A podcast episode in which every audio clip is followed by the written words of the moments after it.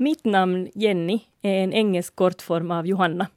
Och det är ganska häftigt för, för mitt namn Jens så är ju en dansk kortform av, av Johannes. Så Johanna och Johannes, vi heter egentligen samma. Enahanda tema. Uh, Jenny och Jens har också en annan sak gemensamt, för det var namn som var pop på 70 och 80-talet, men det finns få barn som får det namnet idag.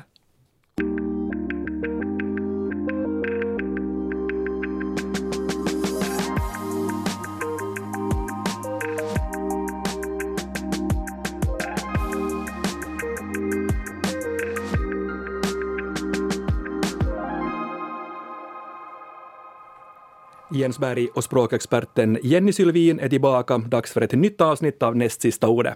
Och namn för hela slanten blir det idag. Som grand final ska vi i slutet av det här avsnittet utse Svenskfinlands roligaste gatunamn. Alltså avslöja resultatet av den omröstning som vi utlyste förra veckan. Ja, det blir häftigt och det här som en cliffhanger i slutet av avsnittet alltså, så blir det det här.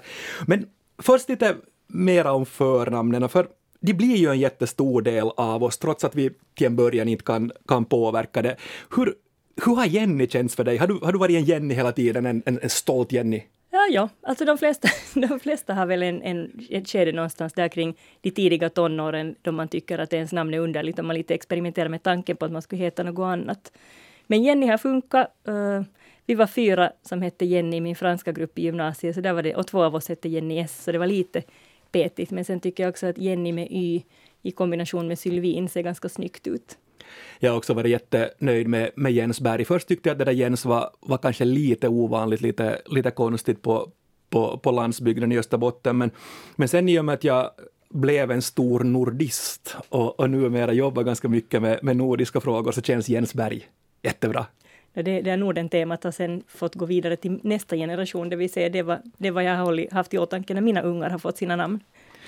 Och vi har fått in massor av berättelser av er igen här, på, här via svenska.yle.fi. Tusen och åter, tusen tack för, för alla era festliga berättelser om namn. Vi ska läsa upp så många vi hinner i det här avsnittet. Sen kommer det förresten också en längre artikel på svenska.yle.fi där ni kan läsa mer om alla häftiga, härliga berättelser om era namn. Och och när man ser här på, på, på de svar som har kommit in så, så är det ganska många också som, som har fått sina namn tack vare eller på grund av eller i och med kända personer. Jag ska läsa, läsa några här. Hej, jag heter Katri Susanne. Mitt namn Katri fick jag av artisten Katri Helena som var populär då jag skulle döpas. Min ena förälder är finskspråkig och den andra var svenskspråkig, så jag har ett finskspråkigt och ett svenskspråkigt namn. Min farmors andra namn var Susanna och jag fick namnet Susanne. Jag är döpt efter Mauro Scoccos låt Sara, vilket jag är väldigt stolt över, för jag fantiserar så det är lite i hemlighet om att den sången handlar om just mig. L äh, när jag lyssnar på den, jag, jag lyssnar på den när jag behöver lite pepp. Och Minna skriver mm, Enligt min mor så fick jag namnet efter Minna Kant, finsk författare och vår första feminist. Och sen ännu, ännu ett. Heidi skriver, filmen om Heidi i Alperna hade just kommit när jag föddes. Min pappa som gillar namnet Heidi fick bestämma. Och det roliga med det hela var när jag sen i vuxen ålder hittade min man från Frankfurt, samma stad dit Heidi från Alperna också for. Ja, det kan hända att det blir just nya Gretor. Och det ligger ju annars också i tiden med tanke på att, att namnen återkommer med, med ett visst intervall man, man sneglar just åt gubbar och gummor och sen finns det många just små Gretor och små Ingmar. Ja, jag har inte sett det där, det där om, om det skulle finnas någon, någon pik eller någon trend ännu med, med Greta, men jag, jag tror att du har, du har rätt. Eh, jag började tänka på det där också som, som Heidi skrev om, om filmen om Heidi i Alperna och, och berättelser och, och, och sagor. Och, och jag tänker att, att Astrid Lindgren sannolikt är den som, som har inspirerat till flest namn i vårt svenska språkområde. Va, vad tror du om den teorin? No, säkert. Alltså just Ronja som är jättepopulärt både bland ja, ganska små barn och sen ja, de första Ronjorna börjar väl närma sig åtminstone 30. Jag menar hon, Ronja Rövardotter skrevs i början av 80-talet. Ja, kanske mitten av 80-talet, något sånt ja. Ja, ja 85 kom filmen, så, mm, så ja, det var nog... Ja. Och, och det, det, är ju taget från Djuronjaur, som alltså är en, en ort någonstans i är det kanske Norrland. Och där hade Astrid Lindgren tyckt att Ronja, det låter fint, det, det är ju ett fint namn. Ja, och sen förstås allt om, om uh, alla namn i Emil i Lönneberga, Emil, Ida, Alfred, Anton, Alma, Lina och till och med hästen Lukas. Ja, det är vackra namn. ja, visst är det visst är det. det. Och, och, och sen också, uh, jag läste någonstans att, att när man talar om finlandssvenska namn och, och, och förebilder som finns någonstans i, i, i litteraturen och så, så skulle My vara det enda så där riktigt finlandssvenska namnet som kommer från, från, eh, från någon form av sagovärld eller berättelsevärld. Ja, ja, det är ju ett nätnamn som har ganska roliga, ger roliga associationer. Sen funderar jag på det, när det gäller finlandssvenska namn, så jag tror nog att, att Edith Södergran kan vara en anledning till att Edith är ganska populärt bland finlandssvenska barn. Jag tänker att det, det har inte haft samma typ av peak någonsin i Sverige, vad jag tror. Nej, det, det, har du, det har du rätt i. Det är inte en litterär figur, men en, en litterär skapare. Mm, sannolikt finns det också ganska många olika Harryn tack vare Harry Potter också. Äh, det här med, med internationellt och, och sen då tvåspråkigt i, i, i, Finland så har fått många, många av er också att skriva, skriva in till, till oss här. Minna Alisa skriver så här. Jag var den tredje flickan. Pappa var svenskspråkig, mamma finsk. Hon kunde nog svenska också. De valde något finskt och svenskt blandat. Efter Silja Maria och Anna-Karin blev jag Minna Alisa. Minna efter Minna Kant, Alisa efter min mamma. Och sen där tycker jag är festligt. Pappas Margareta blev inte godkänt. Det hade varit någon före detta flickvän. Sen skriver Lotta så här. Vi har valt namn åt våra barn på basis av att de ska fungera på svenska, finska och engelska. Man vet ju aldrig vart i världen de vill. Med ett internationellt fungerande namn är det sen egalt om de sen sitter i lokala butikskassan eller gör karriär utomlands. Det här just med internationella internationellt gångbara namn, det är också någonting som har just blivit aktuellt därför att vi rör på oss så otroligt mycket. Jag menar, i den kinesisktalande världen har folk redan länge haft också ett internationellt namn som ett liksom namn vid sidan av sitt kinesiskt klingande eller sitt kinesiska namn. Men nu undrar jag just när rörligheten minskar om det här kommer att påverka namntrenderna. Mm. Ja, trenderna kommer ju och, och, och, går precis, precis så. Det. Om man drar tusen tusen år av namnhistoria i, i det svenska språkområdet här på, på, på 15 sekunder. Så först var det vikinganamn, sen kom hansatiden, sen kom kristendomen och kristna namn, sen kom dubbelnamn, sen kom namn inspirerade från skönlitteraturen, sagor och sen internationella. Ja, väl sammanfattat. Jag läste jag jag, jag, tror inte riktigt att jag vågar uppge mina, mina källor här, men det var, ska vi säga att, att, det var inte New York Times eller Svenska Dagbladet, men jag läste om trendspanare som har uttalat sig om, om, om, om 2020-talets namn och vilka trender vi kommer att, att se när det gäller de framtida namnen. Och de här trendspanarna har tagit fram tre grejer som de tror att, att kommer att att kommer att växa. Och för det första franskklingande namn som Belle eller Cleo.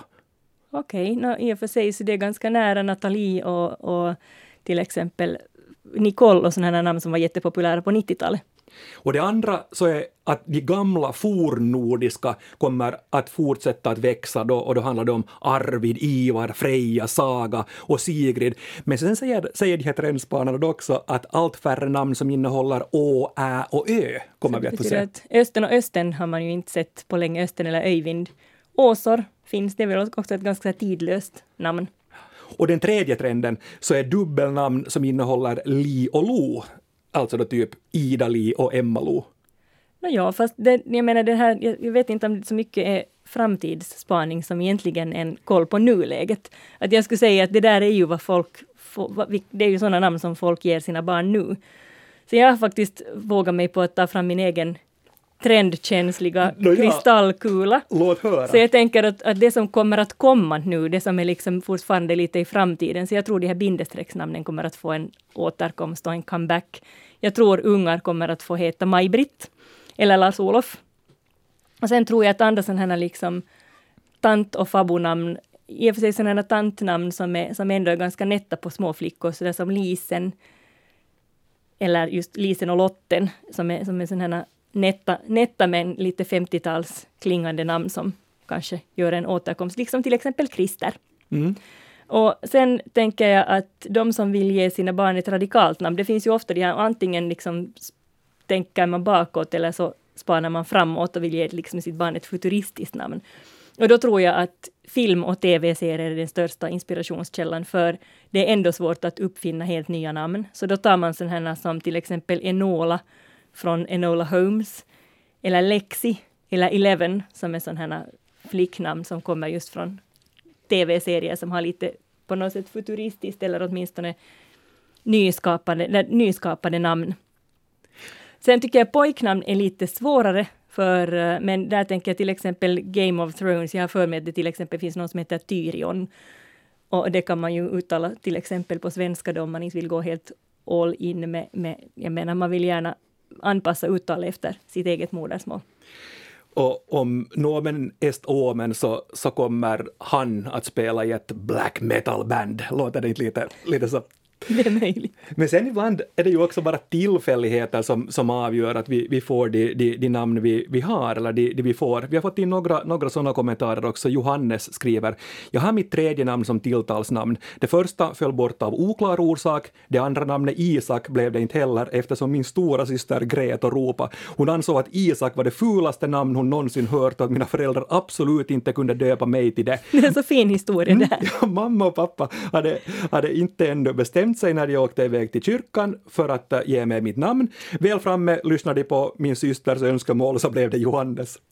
Härligt. Filippa skriver, jag fick förnamnet Filippa efter att min mamma hört på radion, hört på barnens gåva i toner och 1977 var det en flicka med namnet Filippa som ringde in för att ge, sitt, eh, ge sin önskan. Då, då tyckte min mamma att eh, barnet hon äh, bär i sin mage ska få heta Filippa. Det roliga är att jag sen också dessutom blev en musikälskare. musikälskare. Så både Johannes och Filippa här så där har det varit slumpen som har spelat in en, en, hel, en hel del. Vi ska nu reda ut ett dubbelt missförstånd som, som ofta råder när det när det kommer till, till namn. Först det språkliga. Man döper ju inte sitt barn till ett namn. Ett barn får sitt namn vid dop eller sen vid, vid, vid namngivningen. det här bygger ju lite på, på gammal vidskepelse, för man trodde att, att om man säger barnets namn högt så kan djävulen kalla det till sig och då, då alltså dör barnet i förtid. Så därför vill man vänta på att det har liksom fått dopets beskydd innan man uttalar namnet högt. Eller i sam, så kort tid som möjligt före själva dopet.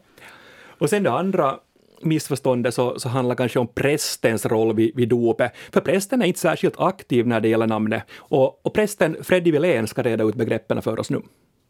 Det är väl ganska vanligt ja, att folk uppfattar det så, men jag tycker det är ganska viktigt att poängtera att, att det är ni som har valt namnet. Och i dopformuläret finns där faktiskt liksom tre alternativ, där ett av dem är att jag frågar föräldrarna att vilket namn har ni gett ett barn, och då får de säga det, och jag försöker nog alltid sälja det liksom, alternativet för att markera just det, att det är föräldrarna som har valt det där namnet och inte vi i kyrkan. Man har hört om de här gamla, speciellt släktforskare, liksom att det, det här prästen skrev in det fel i boken och allt sånt här, liksom namnet, någonting som stavas konstigt eller så här, men att det tycker jag är väldigt viktigt, det är föräldrarna som väljer det, namnet, och det är föräldrarna som skriver in det på det här blanketten också om de får för sig att stava liksom Mats med H, så det där gör de det, det är de som gör det, inte jag. Har, har, du synpunkter på namn som ges åt barn som du döper? Kan, och är det saker du kan säga högt? Är det, är det liksom Nej, jag brukar inte liksom befatta mig i, i det där föräldrars namnval. Det är en lite svår ekvation därför för att vi träffar ju ofta de här dopfamiljerna en vecka innan dopet kanske sånt här, och sen att skickade på, på liksom, eh, och kollade till magistratet, så det, det hinner inte. Så, att det där. så att jag hade faktiskt här ett fall ganska nyligen där jag nog godtog ett namn som jag tyckte kändes ganska okej, okay, som det tydligen uppstod en sån här... Jag antar att det godkändes, men de måste kolla det liksom. Så att det, där, att det var ett, sån här, ett kombinationsnamn där det ena namnet och det andra namnet är i och för sig inte liksom speciellt, men sen när man lägger ihop det så, så var det något nytt som inte fanns i, i databasen. Att jag har nu varit präst i åtta år, tror jag, något sånt. Jag, jag, har ringt, tror jag, två gånger och frågat, och så har de liksom fnyst båda gångerna. No, men det där finns det ju fem stycken av, liksom, och så är det bra med det. Så att, men nu finns det ju alltid namn som man reagerar för och, och funderar på att hur ska det där funka. Normala är det att, att första namnet, tilltalsnamnet, det är någonting som föräldrarna har stridit sig fram till i allmänhet. och, och det där. Men sen, äh, de andra namnen brukar ofta ha någon släktkoppling eller något sånt här. Det är liksom min, min känsla för det hela.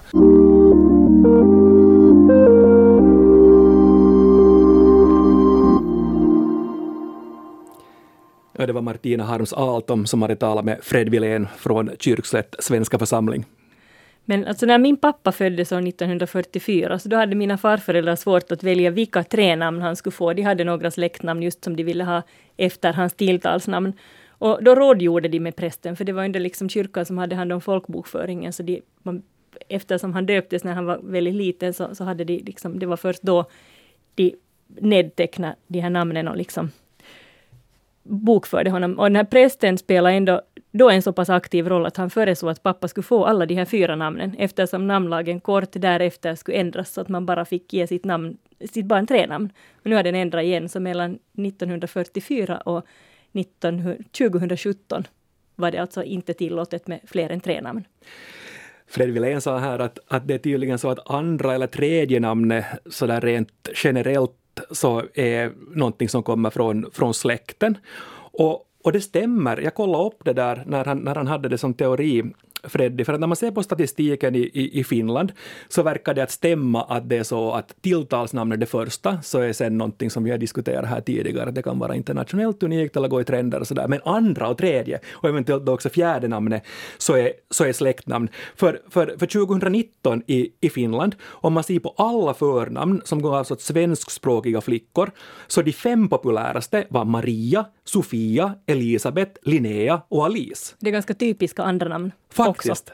Och, och, och, för hundra år sedan, så, så de fem vanligaste var Maria, Linnea, Ingeborg, Elisabeth och Margareta. Så Maria, Linnea och Elisabeth har hållit i sig i hundra år på topp fem-listan. Och, och, bland populära pojknamn, och, och det hela det här också alltså andra och, och tredje namn 2019 i Finland, så var det Erik, Alexander, Johannes, Emil och Mikael. Och för hundra år sedan, Karl, Erik, Johannes, Gunnar och Valdemar. Så där har Erik och Johannes hållit i sig i hundra år. Av väldigt begripliga skäl. Jag menar, det, det är vackra namn som, som håller i sig. Ja. Uh, vi ska ta in några, några publikkommentarer till här när det gäller släktnamn. Eh, jag tycker att den här är festlig. En anonym skriver så här.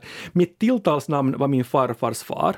Mitt ena mellannamn var min farfars namn och mitt andra mellannamn var min morfars far. Låter logiskt med tanke på hur föräldrarna mina återanvände mitt namn i och med att de återvänder, återanvänder så mycket annat också. Det låter typiskt för den generationen. Jag ser framför mig de här broderade, knypplade dukarna med ett namn på. Så, men det här passar ju bra, det kan vi ju ge till den här lilla gossen också när det finns rätt namn där än. Nå hellre återanvända namn än, än plastbunkar i all evighet.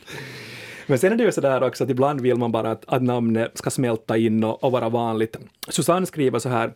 Jag skulle heta Pia-Maria, men så kom farfar och sa att jag måste få ett skapligt namn. Susanne och så blev det Susanne, men då jag döpte sa prästen att det var den tredje Susanne han döpte den här månaden. Det är typiskt Monica är också ett sånt namn som sen har blivit jätte, jättepopulärt just vid någon viss tidpunkt. Någon tycker att det är nytt och sen, sen finns det överallt. Men sen en kommentar också när valet kanske inte kändes rätt för den person som, som fick det. Gunnar skriver så här. Jag heter Gunnar. Eh, då jag gick till banträdgården satt ett par finskspråkiga pojkar uppe på ett plank och sjöng slagdängan ”Soli kunnar, soli kunnar, passiviera smalainen. Jag tyckte då jag var liten att det bara var gamla gubbar som hette så. Och jag fick mitt namn på grund av de gamla vikingarna, deras sagor, Gunnar från Lidarende, ni vet. Min mamma blev förtjust i namnet. Själv fick jag inom citationstecken sitta på ändan och lida. Nå, det var ju bara jag som tyckte namnet var ovanligt. Jag med hade velat smälta in och tänkte inte så mycket på att också alla de andra barnen hade så att säga egna namn. Och sen skriver han också mera, mera Gunnar här om, om att, äh, om att det månne, om, om månne ordet kunnari, alltså när du, när du gör en kunnari i bobollen så kommer, kommer därifrån. Uh, sen, sen avslutar Gunnar sitt, uh, sin berättelse till oss med en, uh, en liten haiku som han har skrivit. Nomen estomen. Gunnar var ett namn för gamla gubbar. Mitt liv blev en fullbordan. Vackert. Fast det där med kunnari som term, alltså jag har alltid hört att det skulle komma från kunnia juoksu, alltså att slå en kunnari när man i boboll lyckas springa hela varvet runt på sitt eget slag. Och kunnia juoksu kan översättas med ärevarv, det är ju inte samma sak som när man springer ett, när en segrare springer eller kör ett ärevarv för att kunna motta publikens jubel, men det är sån här sån här alltså att, att man lyckas med no, något fint och då blir det en kunnia juoksu, kunnari. Men nu ska jag inte skynda, eller hosa som det heter på god finlandssvenska, in i nästa veckas tema, för det är då vi ska tala om sportspråket. Idag är det namn. Idag är det namn, ja. Jag är taggad redan när det blir sport nästa vecka. No Gunnar tycker jag är ett vackert, vackert namn sen igen, men, men det finns ju sen, sen andra, andra namn som kanske alla gånger inte är helt passande och, och det är namn, nämnden för namnärenden som, som sen till syvende och sist fattar beslut om ett namn är okej okay eller inte. Och då, då handlar det ju om att, att det inte ska vara till förtret för, barnets, eller för namnets bärare, alltså för, för barnet, då, eller så ska det inte betyda något, något fult eller opassande.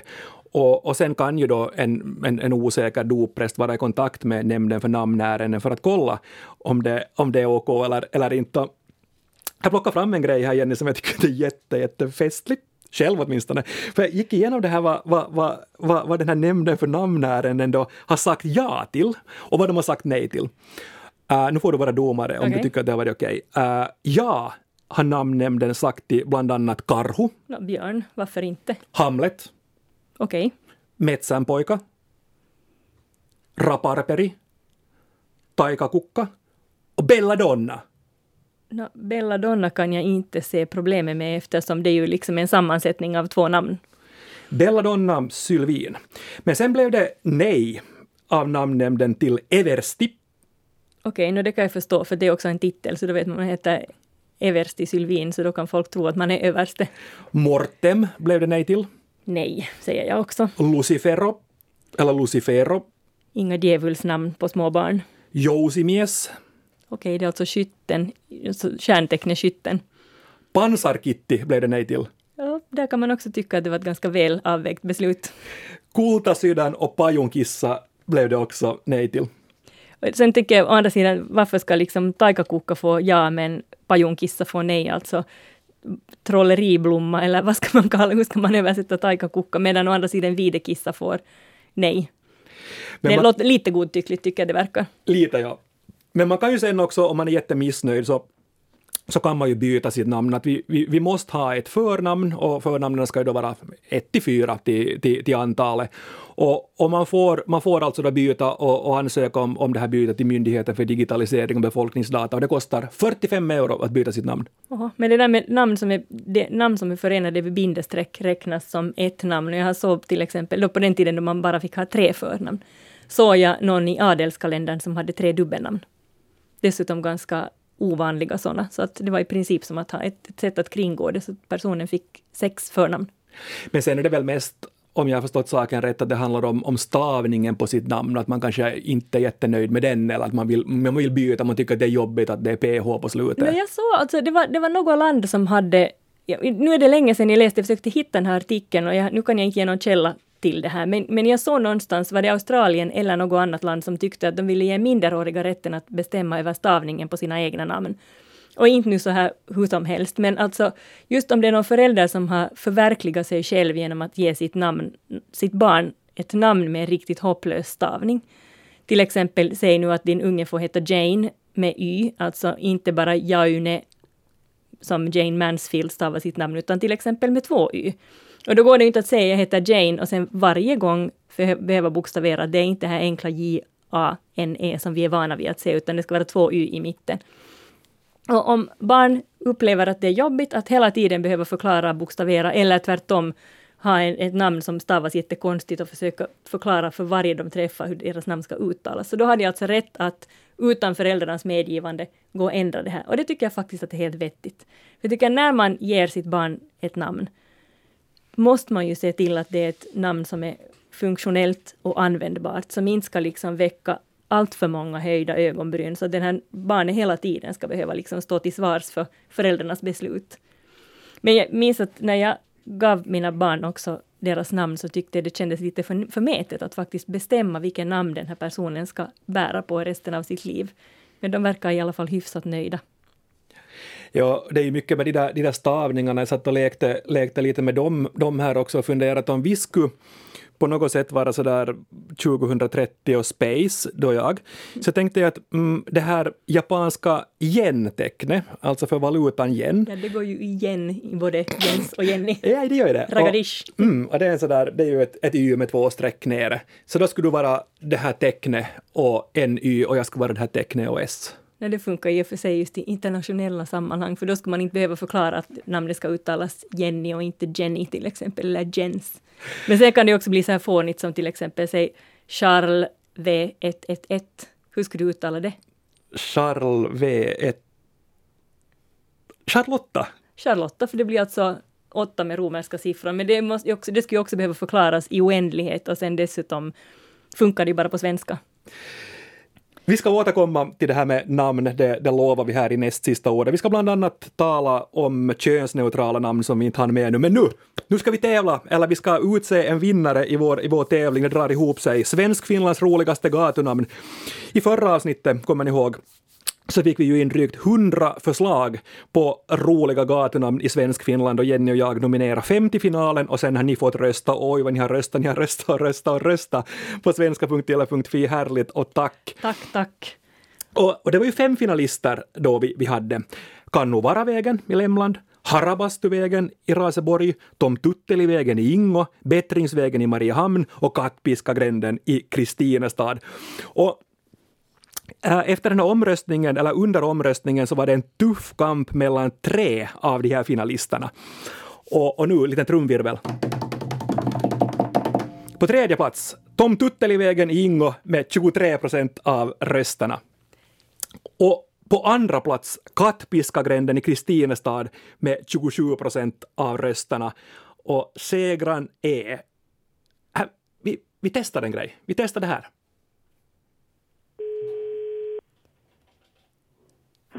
Ja, det är Peter. Hej, det är Jens Berg som ringer från näst sista ordet. Tjena. Är det Peter Bergman på Bättringsvägen i Mariehamn? Ja, det stämmer. Grattis Peter! Bättringsvägen har utnämnts till Svenskfinlands roligaste gatunamn med 32 procent av publikrösterna. Vad säger du om det Peter? Ja, men gud vad trevligt att höra. Man går på en lite bättre väg. men, men vet, vet du Peter varifrån namnet Bättringsvägen kommer?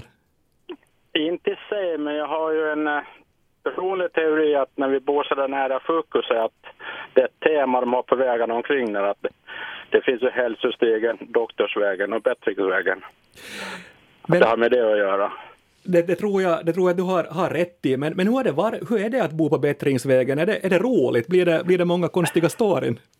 Ja, vi har nog varit med om en hel del faktiskt, jo. Det var riktigt så här i början när det bytte namn när frugan då ringde upp till sjukhuset och bokade tid till läkare liksom. Och så frågade hon liksom var hon bodde någonstans. Så sa hon att hon var på Bättringsvägen. Och då började de ju skratta högt andra änden, liksom. Tyckte att vi skulle avvakta lite, kanske komma in lite senare, att det blir nog bra då liksom. Sådana där grejer liksom, har vi varit med om mycket. Ja, sen är det ju det där också, man får ju läsa hela tiden att många är på bättringsvägen, så känner du att de är hos, dem, hos dig då? Jo, vi har faktiskt gjort en sån här klippbok sen det kom det här namnet. Så vi har haft många, många kändisar. Både presidenter och kungar och allting har varit dit. Och, och nu väntar vi bara på att pot, Putin har ju varit dit. Hallonen har ju varit dit, alla de här. Och nu väntar vi bara på Donald Trump då, så dyker upp någonstans. kan vi få lite Gevalia kaffe han också. Det kan han garanterat få. Va, vad tänker du Peter, Peter, nu kommer ni att fira den här segern på något sätt på, på bättringsvägen tror du idag? Ja men det måste vi göra. Någonting måste vi hitta på i alla fall.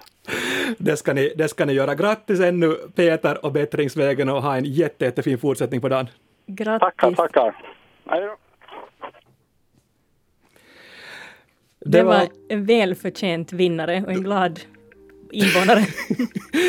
Festliga Peter Bergman där på Bättringsvägen i Mariehamn och tack ännu alla ni som har skrivit in till oss om både förnamn och om gatunamn och röstat fram bättringsvägen till Svenskfinlands roligaste gatunamn. Och som sagt, en artikel om alla era förnamnsberättelser så, så finns på svenska.yle.fi. Och fortsätt gärna att skriva oss på näst sista ordet yle.fi. Och som du var inne på Jenny, nästa vecka kommer det att bli någonting helt annat. Helt annat! Skrik! Bollen är rund och älgjakt på grönbete! Sportspråk, men för den här gången säger Jenny och Jens nu. Morgens!